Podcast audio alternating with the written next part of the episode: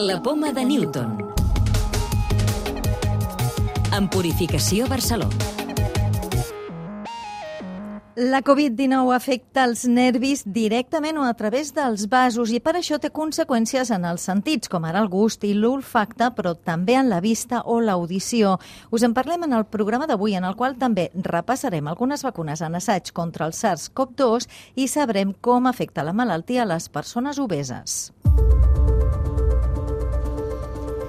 Dades preliminars de l'estudi més extens fet fins ara sobre la pèrdua d'alguns sentits entre els malalts de Covid-19 confirma que un 70% dels afectats tenen disminució de l'olfacte i el gust i canvis en la percepció d'alguns gustos, com el picant. A més, es tracta de símptomes que apareixen molt aviat i això podria ser molt útil per poder fer un diagnòstic precoç de la malaltia, com destaca Maria Dolors Guàrdia, investigadora de l'IRTA en el projecte. Quan es comparen les persones tant que han estat diagnosticades amb una prova com les persones que només han manifestat clínica, més d'un 70% d'aquestes persones manifesten que han perdut olfacte, gust i percepció entre els estadis abans de la malaltia i durant el procés de la malaltia.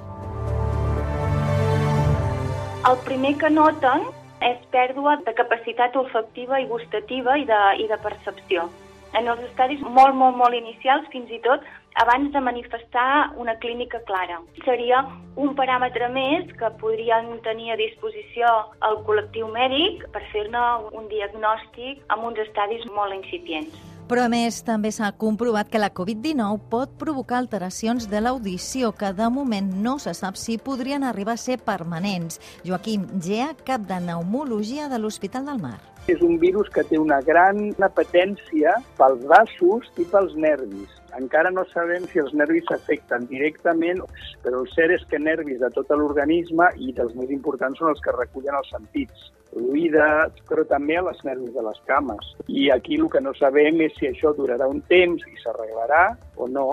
I també s'han detectat alguns casos d'afectació visual en aquests pacients. Un altre objectiu dels estudis sobre aquesta qüestió és descobrir si la pèrdua sensorial podria ajudar a distingir la Covid-19 d'altres malalties respiratòries com la grip.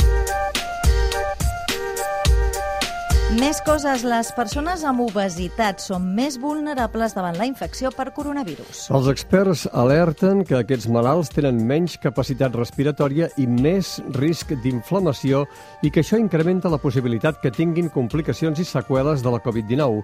Joan Pujol Ràfols, membre fundador de la Societat Espanyola de Cirurgia de l'Obesitat. El pacient obès una capacitat respiratòria més limitada. Eh, bueno, doncs en un estat d'estrès, com és la pneumonia per Covid, claudiquen abans, requereixen suport eh, ventilatori abans i entren en fases greus de l'enfermetat abans. Investigadors catalans de l'Institut Químic de Sarrià treballen en una vacuna per al coronavirus amb nanotecnologia. La vacuna estaria formada per un compost d'antígens que generaria anticossos per actuar com a sistema de defensa davant la Covid-19.